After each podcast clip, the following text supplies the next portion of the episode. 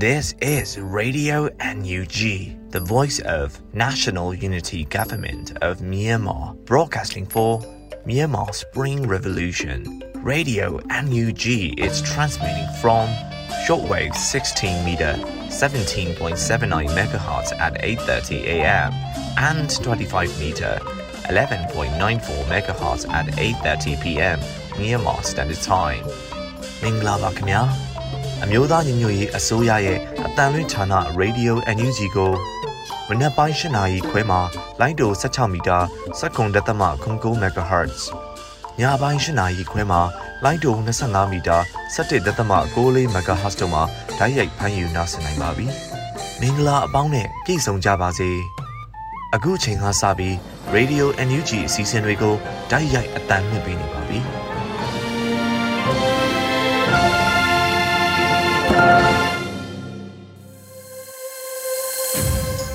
မြန်မာနိုင်ငံသူနိုင်ငံသားအပေါင်းတဘာဝပြီးစစ်အာဏာရှင်ဘေးတို့ကနေကင်းဝေးပြီးကိုစိတ်နှပါကြားမလုံးခြုံပေးကင်းကြပါစေလို့ရေဒီယို UNG အဖွဲ့သားများကဆုတောင်းမေတ္တာပို့သလိုက်ရပါတယ်ရှင်။အခုချိန်ကစပြီးရေဒီယို UNG ရဲ့နောက်ဆုံးရသတင်းများကိုရွေဦးမောင်ကဖတ်ကြားတင်ဆက်ပေးပါမယ်ရှင်။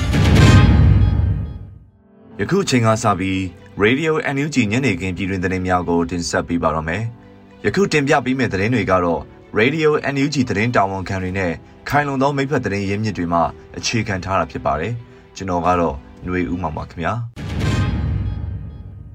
ပထမဆုံးသတင်းအနေနဲ့2008ဖွဲ့စည်းပုံအခြေခံဥပဒေကိုပြန်လည်အသက်သွင်းမဲ့စစ်အုပ်စုရဲ့အတုအယောင်ငြိမ်းချမ်းရေးဖိတ်ခေါ်ချက်သည်တရားဝင်မှုမရှိဟုအမျိုးသားညီညွတ်ရေးအတိုင်းအမြံကောင်စီ NUCC ကထုတ်ပြန်ကြေညာခဲ့ပါတယ်။ 2008ဖွဲ့စည်းပုံအခြေခံဥပဒေကိုပြန်လည်အသက်သွင်းမဲ့စစ်အုပ်စုရဲ့အတုအယောင်ငြိမ်းချမ်းရေးဖိတ်ခေါ်ချက်သည်တရားဝင်မှုမရှိဟုအမျိုးသားညီညွတ်ရေးအတိုင်းပင်ခံကောင်စီ NUCC ကမေလ6ရက်နေ့မှာထုတ်ပြန်ခဲ့ပါတယ်ခင်ဗျာအကြမ်းဖက်စစ်အာဏာရှင်မင်းအောင်လှိုင်ရဲ့ငြိမ်းချမ်းရေးကမ်းလှမ်းမှုကိုယခုသဘောထားကြေညာချက်ထုတ်ပြန်သည့်အချိန်အထိပြက်ပြက်သားသားညှင်းပယ်ခဲ့ကြသည့်တိုင်းရင်းသားဒေါ်လန်ရေးအဖွဲ့အစည်းများအားအမျိုးသားညီညွတ်ရေးအတိုင်းပင်ခံကောင်စီကလေးစားအသည့်အမှတ်ပြုမှတ်တမ်းတင်အပ်ပါတယ်။ တို့ဖြစ်ပါ၍2008ဖွဲ့စည်းပုံအခြေခံဥပဒေကိုပြန်လည်အသက်သွင်းမဲ့စစ်အုပ်စု၏အတုအယောင်ငြိမ်းချမ်းရေးဖိတ်ခေါ်ချက်သည်တရားဝင်မှုမရှိပါကြောင်းအမျိုးသားညီညွတ်ရေးအတိုင်းအမြံကောင်စီအနေဖြင့်ရှုတ်ချပါကြောင်းနဲ့နိုင်ငံရေးအင်အားစုများဒိုင်းရင်သားဒေါ်လန်ရေးအဖွဲ့အစည်းများပြည်သူခုခံတော်လှန်ရေးအင်အားစုအားလုံးနေဖြစ်လဲပြည်သူနဲ့သားတဲ့ဆက်လက်ရက်တီကစစ်အာဏာရှင်စနစ်အပါအဝင်အာဏာရှင်စနစ်ဟူသမျှချုပ်ငြိမ်းရေးအတွက် မိမိတို့ကြာရာကဏ္ဍမှာဆောင်ရွက်ကြပါရန်တိုက်တွန်းနှိုးဆော်အပ်ပါတယ်လို့ဖော်ပြပါရှိပါတယ်။ထို့အပြင်၎င်းတို့ကိုယ်တိုင်စိတ်ကြိုက်ရေးဆွဲခဲ့တဲ့2008ဖွဲ့စည်းပုံအခြေခံဥပဒေအောက်တွင်ဖြစ်ပေါ်လာသည့်အစိုးရထံမှအာဏာသိမ်းယူခြင်းဖြင့်ငြိမ်းချမ်းရေးနဲ့ဒီမိုကရေစီရေးကိုအမှန်တကယ်မလိုလားကြောင်းပြသခဲ့ပြီးဖြစ်တယ်လို့လည်းဆိုထားပါတယ်ခင်ဗျာဆက်လက်ပြီးအမျိုးသားညီညွတ်ရေးအစိုးရပညာရေးဝန်ကြီးဌာနမှ Open University OUR ပြည်ရင်းပြည်ပပညာရှင်များ၏ပံ့ပိုးကူညီမှုဖြင့်ပေါ်ဆောင်လျက်ရှိတယ်လို့မေလ6ရက်နေ့မှာပညာရေးဝန်ကြီးဌာနကြေညာချက်အမှတ်9မြင်းဆောင်2022ဖြင့်ကြေညာလိုက်တဲ့သတင်းကိုတင်ဆက်ပေးပါမယ်။ ဒေါ်လာရေးကာလအတွင်းကျောင်းသားကျောင်းသူများပညာသင်ယူခွင့်မဆုံးရှုံးရစေအတွက်သက်ဆိုင်ရာကျောင်းကောင်စီအသီးသီးမှလည်းဂျားကာလတင် जा ရေးအစီအစဉ်များကိုအကောင့်ထဲပေါ်ဆောင်ရွက်လျက်ရှိတဲ့ကဲ့သို့အမျိုးသားညီညွတ်ရေးအစိုးရပညာရေးဝန်ကြီးဌာနမှလည်း Open Access Education Open University OUR ပြည်ရင်းပြည်ပပညာရှင်များ၏ပံ့ပိုးကူညီမှုဖြင့်ဖော်ဆောင်လျက်ရှိပါတယ်။ထို့အပြင်တင် जा ရေးအစီအစဉ်များတွင် တမွေးနဲ့ဤပညာဆိုင်ရာအသင်တန်းများကိုလည်းထည့်သွင်းတင် जा သွားနိုင်ရန်စီစဉ်ထားပါတယ်လို့ဖော်ပြထားပါတယ်။ Open Access Education Open University OU တွင်အစီအစဉ်၃ရက်ဖြင့်ဆောင်ရွက်သွားမည်ဖြစ်ကာကာကြီးကိုဗစ်ကပ်ရောဂါနှင့်စစ်အာဏာသိမ်းမှုကြောင့်ရပ်တန့်ခဲ့ရသောအတန်းပညာရေးများအတွက်ဆရာဆရာမအကြောင်းသူကျောင်းသားတက်မကများနှင့်ကျောင်းကောင်စီများ၏သဘောတူညီမှုဖြင့်ဖော်ဆောင်သွားမည်ခခွေ 2020ခုနှစ်တက္ကသိုလ်ဝင်နှန်းအောင်ကျောင်းသားကျောင်းသူများဒိုင်းရင်သားဒေသကျောင်းများနှင့်ရွှေပြောင်းကျောင်းသားကျောင်းသူများအတွက်တက္ကသိုလ်မရောက်မီ၎င်းတို့တည်ထင်တည်ထိုက်သောအသိပညာအသက်ပညာများရနိုင်ရန်အတွက် core curriculum များကို certificate course သို့မဟုတ် diploma သင်တန်းများအဖြစ်ပို့ချနိုင်ရန်ပြင်ဆင်နေပါတယ်။ကငယ်တမတ်ချက်နဲ့ကန့်ညီသောစိတ်ပါဝင်စားသည့်ညီသူမစိုးလွတ်လပ်စွာတက်ရောက်လေ့လာသင်ယူနိုင်မဲ့ certificate course သို့မဟုတ် ဒီပလိုမာသင်တန်းများအဖြစ်ပို့ချနိုင်ရန်ပြင်ဆင်နေတယ်လို့ဖော်ပြထားပါတယ်ခင်ဗျာဆက်လက်ပြီးသမ္မတဘိုင်ဒန်ထံနိုင်ငံတကာအရက်ဖက်အဖွဲ့အစည်း626ဖွဲ့နဲ့ပြည်သူ2သိန်းကျော်မှလူမျိုးတုံးတပ်ဖြတ်သောစစ်အုပ်စုစီတို့ဗန်ငွေများလွှဲပြောင်းနေမှုကိုရပ်တန့်စေရေးစာပို့ခဲ့တဲ့သတင်းကိုတင်ဆက်ပေးပါမယ်။မေလ၄ရက်နေ့မှာမြမရေနံနဲ့သဘာဝဓာတ်ငွေမှဝင်ငွေများကိုပိတ်ဆို့အရေးယူရန်နဲ့လူမျိုးတုံးတပ်ဖြတ်သောစစ်အုပ်စုစီတို့ ဗန်ငွေများလွှဲပြောင်းနေမှုကိုရပ်တန့်စေရေးအတွက်မြန်မာနိုင်ငံတကာရက်ဖတ်အဖွဲ့အစည်း626ဖွဲ့နဲ့ပြည်သူ2သိန်းကျော်ကသမ္မတဘိုင်ဒန်ထံစာပေးဖို့တောင်းဆိုလိုက်တာဖြစ်ပါတယ်။မေလ12ရက်နေ့မှ23ရက်နေ့အထိသမ္မတဘိုင်ဒန်နဲ့အာဆီယံခေါင်းဆောင်များဝါရှင်တန် DC တွင်တွေ့ဆုံပြီးဖြစ်ကမြန်မာပြည်ရှိလူအခွင့်အရေးအခြေအနေများနဲ့လူသားချင်းစာနာမှုဆိုင်ရာအကြက်တဲအတွက်ဆွေးနွေးကြမှာဖြစ်ပါတယ်။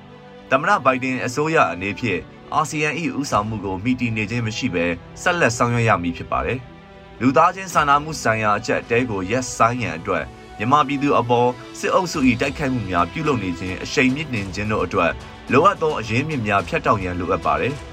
ပြည်သူ2000ကျော်၏အတန်ကိုသမ္မတဘိုင်ဒန်အစိုးရကဦးစားပေးချိန်လန်းတရက်အနေဖြင့်နားဆင်ရန်မြန်မာရေနံနှင့်တဘာဝဓာတ်ငွေလုပ်ငန်း MOGE ကိုပိတ်ဆို့အရေးယူရန်ကျွန်ုပ်တို့ကတောင်းဆိုပါတယ်လို့ဖော်ပြထားပါတယ်ခင်ဗျာ။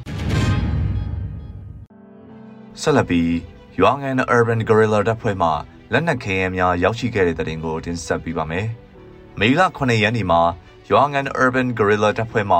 M16 နဲ့ကိုလုံးတနက်များရောက်ရှိကြောင်းတရားဝင်ထုတ်ပြန်ခဲ့ပါတယ်။ဧပြီလပြည်တွင်းပြည်ပအလူရှင်များကြောင့်ကျွန်ုပ်တို့အဖွဲ့မှဝယ်ယူနိုင်ခဲ့သောလက်နက်ခဲယမ်းများ M16 တလက်5.56 G ပေါက်ပါတလက်ကိုလုံးတနက်5လက် 5.56 G 900ရောက်ရှိခဲ့ပြီဖြစ်ပါတယ်လို့ဆိုပါတယ်။လက်ရှိမှာပြည်သူ့ကာကွယ်ရေးတပ်ဖွဲ့များကလက်လုံတနက်များလက်နက်ကြီးများကိုထုတ်လုပ်အောင်မြင်ရရှိပါတယ်ခင်ဗျာ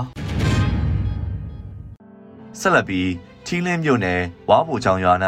ညအိမ်ရန်နားနေသောစစ်ကောင်စီတပ်မ17မှတက်ကြက်အဆင့်ရှိစကားဆတပ်သားတူ YDF ထီလင်းထံခိုးလုံဝင်ရောက်ခဲ့တဲ့တဲ့တင်ကိုတင်ဆက်ပေးပါမယ်။မေလ9ရက်နေ့တွင်ထီလင်းမြို့နယ်ဝဘိုးချောင်ရွာ၌ညအိမ်ရန်နားနေသောစစ်ကောင်စီတပ်မ17မှတက်ကြက်အဆင့်ရှိတက်မတော်သားကိုရန်ရှိန်ထန်းကိုပိုင်အမတ်တ96 2854ပြီးညဘက်ကင်းတာဝန်ကြချိန်တွင်လက်နက်ထားခဲ့၍ထွက်ပြေးလာခဲ့ပြီး YDF ထီးလင်းထံတွင် CDM ပြုလုပ်၍ပြည်သူရင်ဝင်ခုလုံလာပါတယ်လို့ဆိုပါတယ်။၎င်းအား YDF ထီးလင်းမှကောင်းမွန်စွာစောက်ရှောက်ကလွတ်မြောက်ရာနေရာတနေရာသို့ပို့ဆောင်ပေးခဲ့တယ်လို့ထုတ်ပြန်ပါတယ်ခင်ဗျာ။ဆက်လက်ပြီးမုံရွာမြို့မှခန်းဒီမြို့သို့ထွက်ခွာလာသောဂုံတင်အမြန်ရေရင်သုံးစင်းတွင်စစ်ကောင်စီတပ်ဆွဲရာကဏီမြို့သို့ရိတ်ခါများပေးပို့ရန်တရင်ရ၍ DPDF တပ်ကရိတ်ခါများသိမ်းဆည်းခဲ့တဲ့တရင်ကိုတင်ဆက်ပေးပါမယ်။ မေလ6ရက်နေ့မှာချင်းတွင်းမြေရိုးတစ်လျှောက်နယ်မြေရှင်းလင်းရေးလှုပ်ဆောင်နေစဉ်အတွင်းအမြန်ရေရင်သုံးစင်းကိုစစ်ဆေးနိုင်ခဲ့တယ်လို့ငကားညီနောင်အထူးတပ်ဖွဲ့ DPDF ကဆိုပါတယ်။ချင်းတွင်းမြေရိုးတစ်လျှောက်နယ်မြေရှင်းလင်းရေးလှုပ်ဆောင်နေစဉ်အတွင်းမုံရွာမြို့မှခန်းတီမြို့သို့ထွက်ခွာလာသောဂုံတင်အမြန်ရင်သုံးစင်းမှာ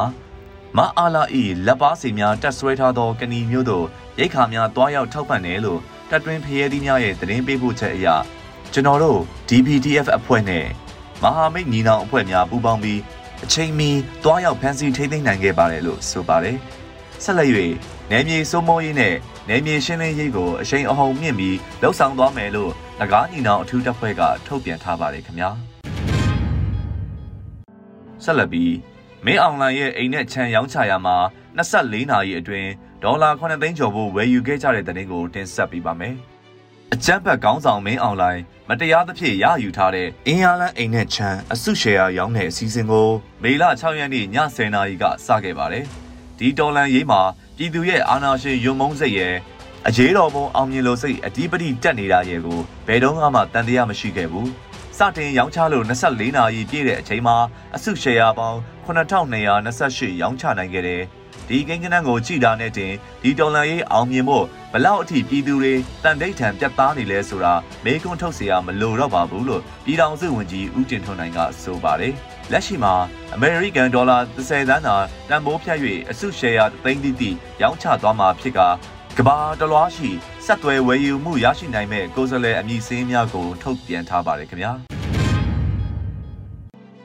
နောက်ဆုံးတင်ဆက်ပေးမယ့်သတင်းကတော့စကိုင်းຫນွေဦးဒေါ်လန်ရေးမှာအမျိုးသမီးတွေပူးပေါင်းပါဝင်မှုအားကောင်းလာပြီးလက်နက်ကိုင်ယုံသားမကတက်နိုင်တဲ့ဘက်ကနေပါဝင်နေကြတယ်ဆိုတဲ့သတင်းကိုတင်ပြပေးပါမယ်။စစ်ကောင်စီရဲ့ဖိအားပေးတာကိုအစိုးဆုံးကြုံတွေ့နေရတဲ့စကိုင်းတိုင်းကလက်နက်ကင်ပြည်သူ့ကာကွယ်ရေးတပ်ဖွဲ့တွေမှာအမျိုးသမီးတွေပူးပေါင်းပါဝင်မှုအားကောင်းနေပါတယ်။ နေအိမ်တွေမီးရှို့ဖျက်ဆီးခံရတာမိသားစုဝင်တွေဖမ်းဆီးနှိပ်စက်တပ်ဖြတ်ခံရတာလိမ်ပိုင်းဆိုင်ရာစော်ကားခံရတာတွေကြောင့်အမျိုးသမီးတွေကိုယ်တိုင်လက်နက်ကင်တော်လန်ရေးမှာပူးပေါင်းပါဝင်လာကြတာဖြစ်ပါတယ်။ဒီအကြောင်းနဲ့ပတ်သက်ပြီးစကိုင်းဒေသခံ PDF အမျိုးသမီးတို့ရဲ့စကားသံကိုအခုလိုကြားသိရမှာပါ။လက်နက်ကင်ပြီးတော့ရှေ့ထဲမှာလိုက်တဲ့အမျိုးသမီးတွေလည်းရှိတယ်။နောက်တန်းကနေနေပြီးတော့ထမင်းချက်ဟင်းချက်ကအစပေါ့ဒီမျိုးသားရဲဘော်တွေအတွက်လိုအပ်တဲ့ဟာတွေထမင်းချက်ဟင်းချက်တွေအဲ့လိုမျိုး စခန်းမှာနေပြီးတော့ကူညီပံ့ပိုးပေးနေရတယ်လည်းရှိတယ်ပေါ့။ဒီအမျိုးသမီးအနေနဲ့ဒီမလေးစစ်တပ်ကိုအမြင့်ပြတ်ဖို့တော်လှန်ရေးမှာအတက်ပြီးတော့ပါဝင်လာကြတာဖြစ်ပါတယ်။ခက်ခဲဆိုတာတော့အများကြီးရှိတာပေါ့နော်။ညီမလေးကမိန်းကလေးတွေဆိုတော့ယောက်ျားလေးတွေနဲ့တောထဲတောင်ထဲမှာညီမသားနေထိုင်ဖို့ဆိုတာလွယ်တဲ့ကိစ္စမဟုတ်ဘူးလေ။ပြီးတော့ညီမတို့ PDF ရဲဘော်တွေအားလုံးရဲ့ခက်ခဲဆိုတာတော့ကိုရဲ့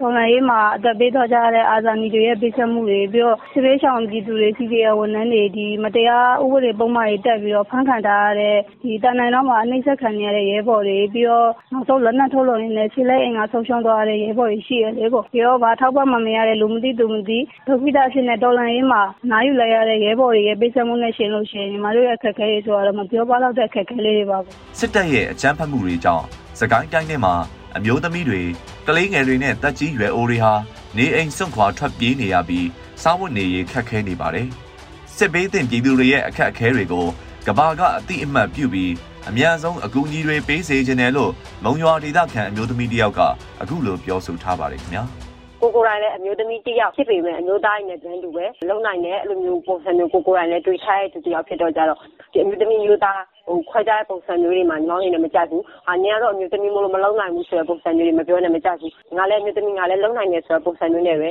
ဟိုသွားတယ်။အဲဒီအခု ဒီတိုင်းပြည်ကို ညီမအနေနဲ့ဒီအာဏာရှင်လက်ကနေပဲကယ်တင်ပြီးကြတော့ အားလုံးသွားမဲ့တိုင်းပြည်က Federal Democracy အရေးကို သွားနေရဖြစ်တယ်။အဲ့လို Federal Democracy တိုင်းပြည်ကို တက်လန်းနေတဲ့အချိန်မှာလည်း ညီမအနေနဲ့က အမျိုးသမီးတွေကလည်းဥဆောင်ရွက်နေဟိုရှေ့ကနေ မမမမနဲ့ဟာပူပေါင်းပြီးဒီတိုက်ပွဲကို တိုက်လိုက်မယ်။ အာကျွန်တော်ခင်ထားဒီရှင်းရှင်းလေးပဲအမျိုးသမီးကမပါဝင်ဒီတိုက်ပွဲဟာအောင်မြင်နိုင်စရာအကြောင်းမရှိဘူး။ဘာကြောင့်လဲဆိုတော့ကျွန်တော်မြန်မာနိုင်ငံမှာအမျိုးသမီးအမျိုးသားလူဦးရေမှာအမျိုးသမီးလူဦးရေအရင်များတယ်။အဲ့တော့ကျွန်တော်အမျိုးသမီးတွေကလည်းဒီတိုက်ပွဲမှာပါပါမယ်ဒီတိုက်ပွဲမှာကျွန်တော်တို့အမျိုးသမီးတွေဟာတိုက်နိုင်တော့တိုက်မယ်ကုနိုင်တဲ့နေရာနေကုမယ်စစ်တပ်ဟာစစ်အာဏာသိမ်းမှုစန့်ကျင်ရေးတပိတ်ကာလမှာကတည်းကအမျိုးသမီးငယ်တွေကိုနမူနာပြပြီးအကြမ်းဖက်ပြစ်ခတ်တပ်ဖြတ်ခဲ့တာပါတပိတ်ကာလမှာကတည်းက ကိုလက်အင်္ဂါချို့ယွင်းတဲ့အထိလူငယ်တွေနဲ့အမျိုးသမီးငယ်တချို့ဟာစက်ကောင်စီရဲ့အကြမ်းဖက်မှုကိုခံခဲ့ရပါတယ်ခင်ဗျာ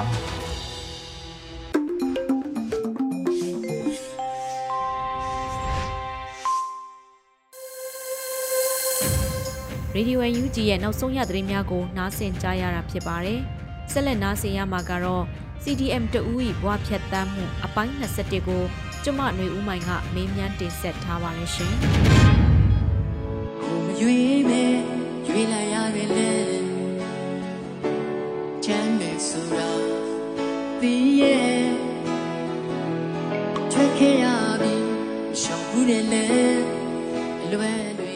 မင်္ဂလာပါဆရာရဲ့ပထမဆုံးအနေနဲ့သိချင်တာကတော့ဆရာကဘယ်ဌာနမှာတာဝန်ထမ်းဆောင်ခဲ့ပါသလဲ။နောက်ပြီးတော့ဘယ်လိုမျိုး CDM လုပ်ဖြစ်ခဲ့တာပါလဲသိပြစေရှင်ကျွန်တော်ကမြန်မာမြေထားစက်မှုနဲ့လက်စစ်အင်ဂျင်နီယာဌာနက ယထာစက်အောင်မောင်တယောက်ပါလုံတက်ကတော့ခုချိန်ထိဆို26နှစ်ရှိပါပြီလင်းတဲ့အားဘူးနဲ့ဇိုးအာရမပြည်သူရွေးချယ်တဲ့ခေါင်းဆောင်မျိုးဖန်စီအာဏာသိမ်းခဲ့တာကိုလက်မခံနိုင်တော့လို့စစ်ကောင်စီကိုအာခံပစ်ခဲ့ပါတယ်အဲ့ဒီကနေစပြီး CDM လုပ်ခဲ့ရတာပေါ့ဟုတ်ကဲ့ပါရှင်ဝန်ထမ်းတွေ CDM စလုပ်ကြတဲ့အချိန်မှာမိရထားဝန်ထမ်းတွေကလည်း တက်တက်ကြွကြွနဲ့ထိတ်ဆုံးကနေပါဝင်လှုပ်ရှားခဲ့ကြတာကျမမှတ်ရမိရဲ့အဲ့ဒီအချိန်တုန်းကတက်ကြီးရွယ်ဦးမိဘရှိသူတွေကလည်းမိဘကိုချီပိုးလုံးပေါ့နော်နောက်တစ်ခါအိမ်မွေးတရိษံလေးတွေမွေးထားတဲ့သူတွေကလည်းအဲ့ဒီအကောင်လေးတွေကိုရင်မာပိုက်လို့အထုပ်ထမ်းပြီးဝန်ထမ်းအိမ်ယာကနေထွက်လာခဲ့ကြတဲ့ဓာတ်ပုံတွေဟာဆိုရင်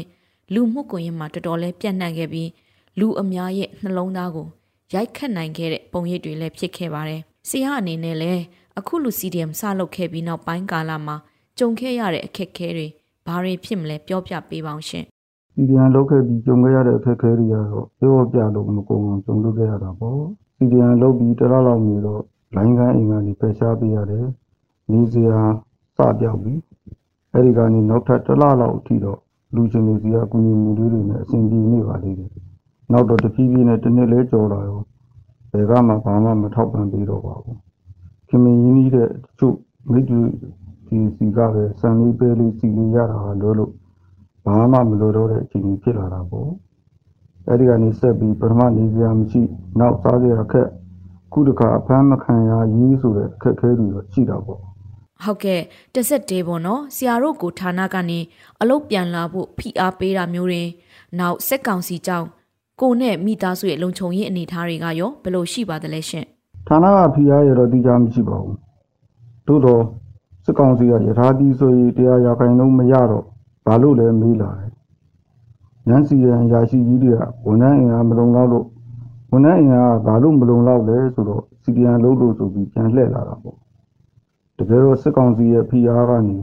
ဌာနရဲ့ဖိအားပြန်ဖြစ်လာတာပေါ့ကျွန်တော်တို့မြောက်ချမ်းစကောင်းပေါင်းတွေအနေနဲ့ဆိုပိုဆိုးရင်ကြဖြစ်လာတယ်စစ်ကောင်စီရဲ့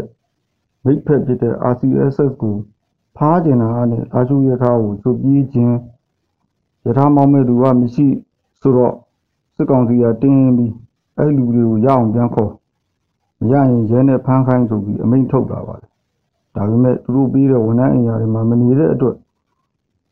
နေရလိပ်စာပျောက်ပြီးအလွယ်ရှာမရလို့တော့ကျွန်တော်တို့တွေအဖမ်းမခံရသေးတော့ပါ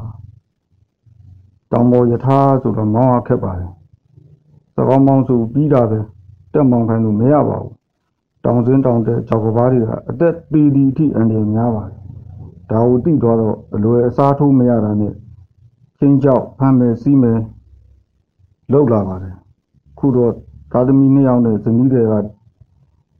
တာတနေသမီးရတစ်မျိုးအမေကတခြားအဖေကတနေရာခွဲနေရတာပေါ့ဘာလို့လဲဆိုတော့အဖေမတွေ့တွေ့တာဖမ်းဆိုတော့ ကိုယ်ကလေးတွေလွတ်အောင်ရှောင်ထားရတာပေါ့ဗျာ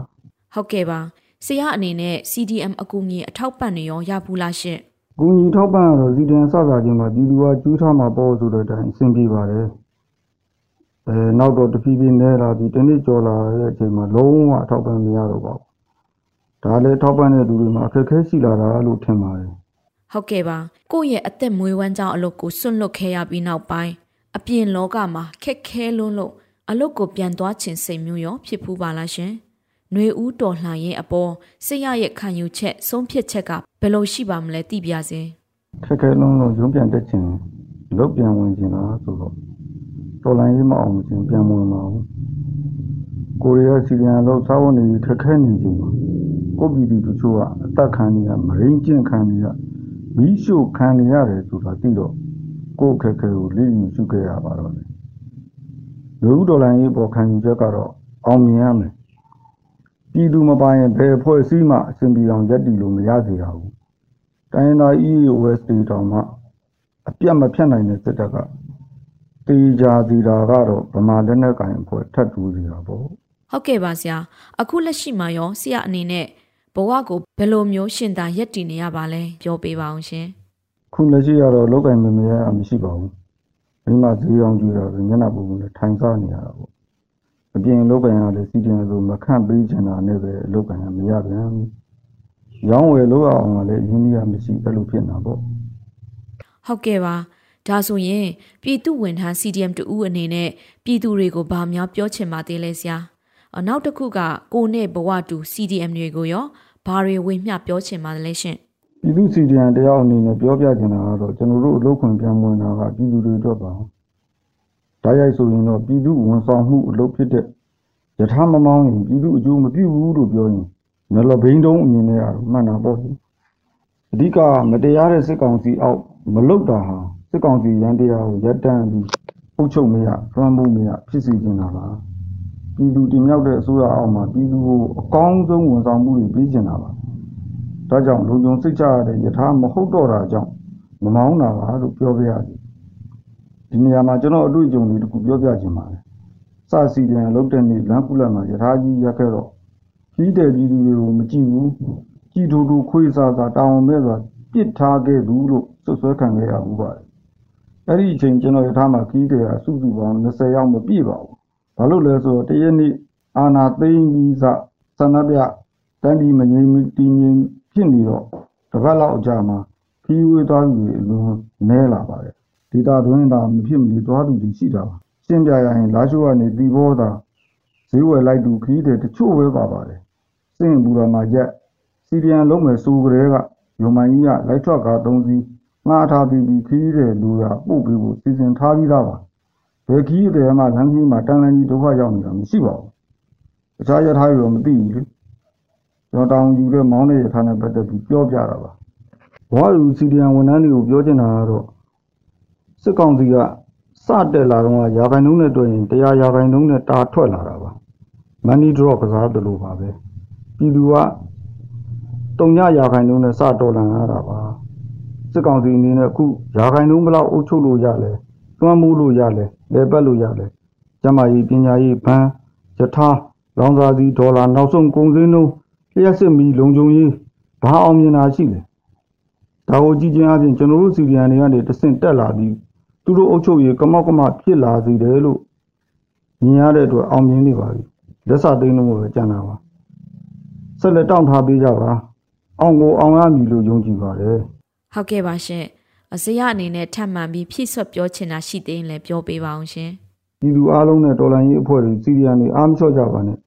ဒီဘဝကျွန်တော်တို့ရှုံးရင်ကိုယ်သားသမီးမျိုးဆက်တွေဘဝသိမယ်အသက်အသေးခံမလားဘဝအသေးခံမလားတိတ်ခါအသေးခံမလားယူချေပြီးဓမ္မဘက်ကကရဲရဲကြီးရက်တီစန့်ကျင်ပြီးကြပါလို့တောင်းဆိုကြရစီခင်ဗျာကျွန်တော်အနေနဲ့ကတော့အသက်သေးချင်းသေးပါစီအနာဂတ်ဘဝတော့အသေးမခံနိုင်တဲ့အတွက်အာခံတော်လန်နေတာပါလို့ပြောကြရင်ဒီကုန်းချုပ်ရပါတယ်ကျေးဇူးတင်ပါဟုတ်ကဲ့ပါအခုလိုချိန်ပေးပြီးဖြည့်ကြားပေးတဲ့ဆရာကိုလည်းကျမတို့ Radio UNG ကအထူးပဲကျေးဇူးတင်ပါတယ်ရှင် ချင်တဲ့အခါလုံးချင်တာတွေရ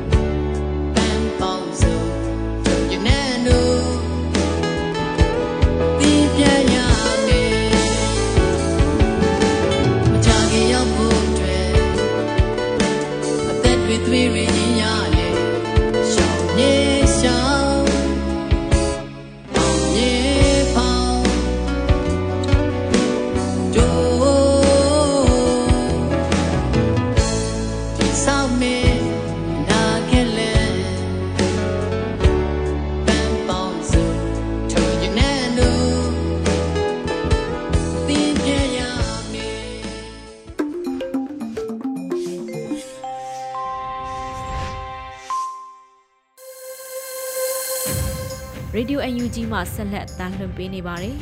ဆက်လက်ပြီးလူသားချင်းစာနာမှုအကူအညီနဲ့အာဆီယံစကိုင်းတိုင်းကနေအိမ်မီးရှို့မှုနဲ့တပ်ဖြတ်ခံရမှုတွေအမိယမုံမခဆောင်ပါကိုຫນွေဦးမွန်ကဖတ်ကြားတင်ဆက်ပေးမှာဖြစ်ပါတယ်ရှင်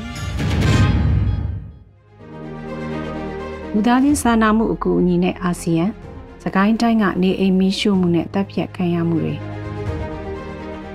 မြန်မာနိုင်ငံမှာလူသားချင်းစာနာမှုအကူအညီပေးရေးအတွက်အာဆီယံရဲ့အစည်းအဝေးကိုကမ္ဘောဒီးယားနိုင်ငံမှာကျင်းပနေတာဖြစ်ပါတယ်။လက်နက်ကိုင်တိုက်ပွဲတွေကိုဗစ်နဲ့နိုင်ငံရေးမတည်ငြိမ်မှုကြောင့်ကြာဆင်းလာတဲ့စီးပွားရေးတန်ကိုခံစားရမယ်။ငွေငွေအနေဆုံးအလှော်ကလိုအပ်တဲ့လူသားချင်းစာနာမှုအကူအညီစသဖြင့်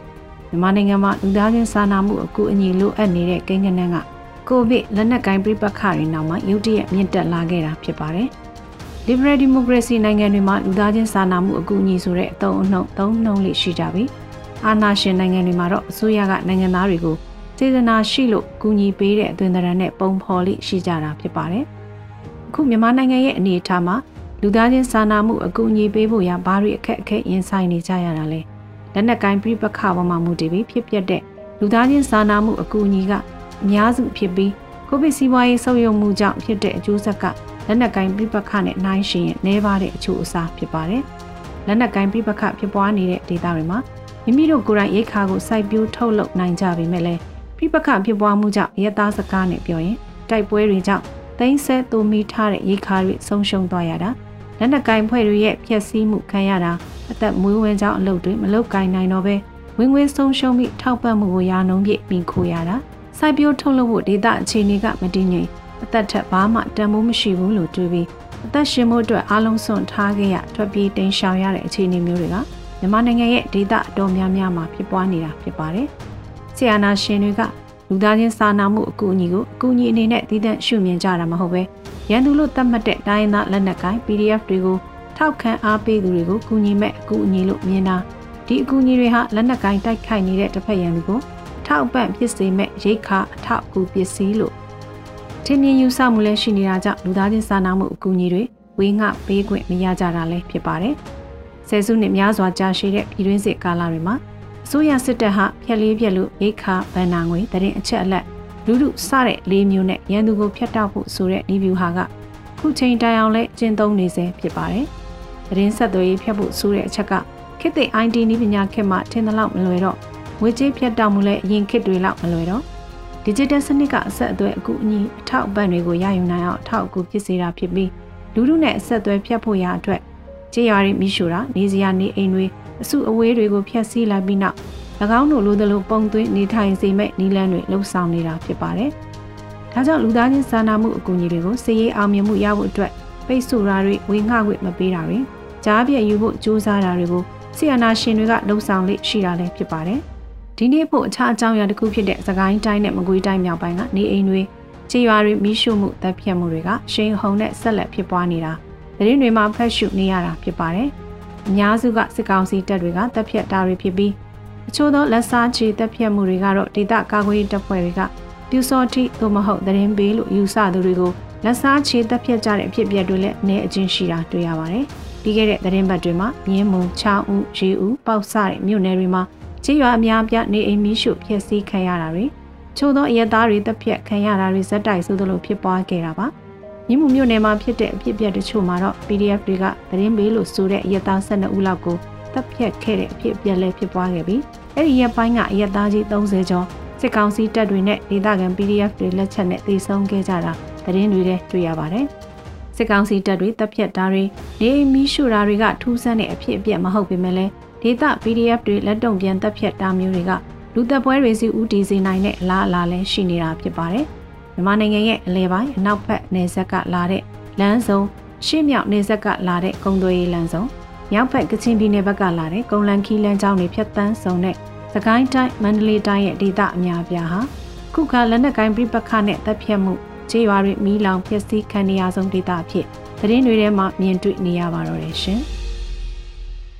ဒီကနေ့ကတော့ဒီညနေပဲ Radio NUG ရဲ့အစည်းအဝေးကိုခਿੱတရနာလိုက်ပါမယ်။မြန်မာစံတော်ချိန်မနက်၈နာရီခွဲနဲ့ည၈နာရီခွဲအချိန်တွေမှာပြန်လည်ဆုံးဖြတ်ကြပါစို့။ Radio NUG ကိုမနက်ပိုင်း၈နာရီခွဲမှာလိုင်းဒို16မီတာစက္ကန့်တသမ9 MHz ညပိုင်း၈နာရီခွဲမှာလိုင်းဒို25မီတာ17သမ6 MHz တို့မှာဓာတ်ရိုက်ဖမ်းယူနားဆင်နိုင်ပါပြီ။မြန်မာနိုင်ငံသူနိုင်ငံသားများကိုစိတ်နှပြကျန်းမာချမ်းသာလို့ ဘေးကင်းလုံခြုံကြပါစေလို့ Radio NUG အဖွဲ့သူအဖွဲ့သားများကဆုတောင်းလိုက်ရပါတယ်။အမျိုးသားညီညွတ်ရေးအစိုးရရဲ့စက်သွေးရေးတရင်အချက်အလက်နဲ့ဤပညာဝန်ကြီးဌာနကထုတ်လွှင့်နေတဲ့ Radio NUG ဖြစ်ပါတယ်။ San Francisco Bay Area အခြေစိုက်မြန်မာမိသားစုများနဲ့နိုင်ငံတကာကစေတနာရှင်များလှုပ်အားပေးများရဲ့ Radio NUG ဖြစ်ပါတယ်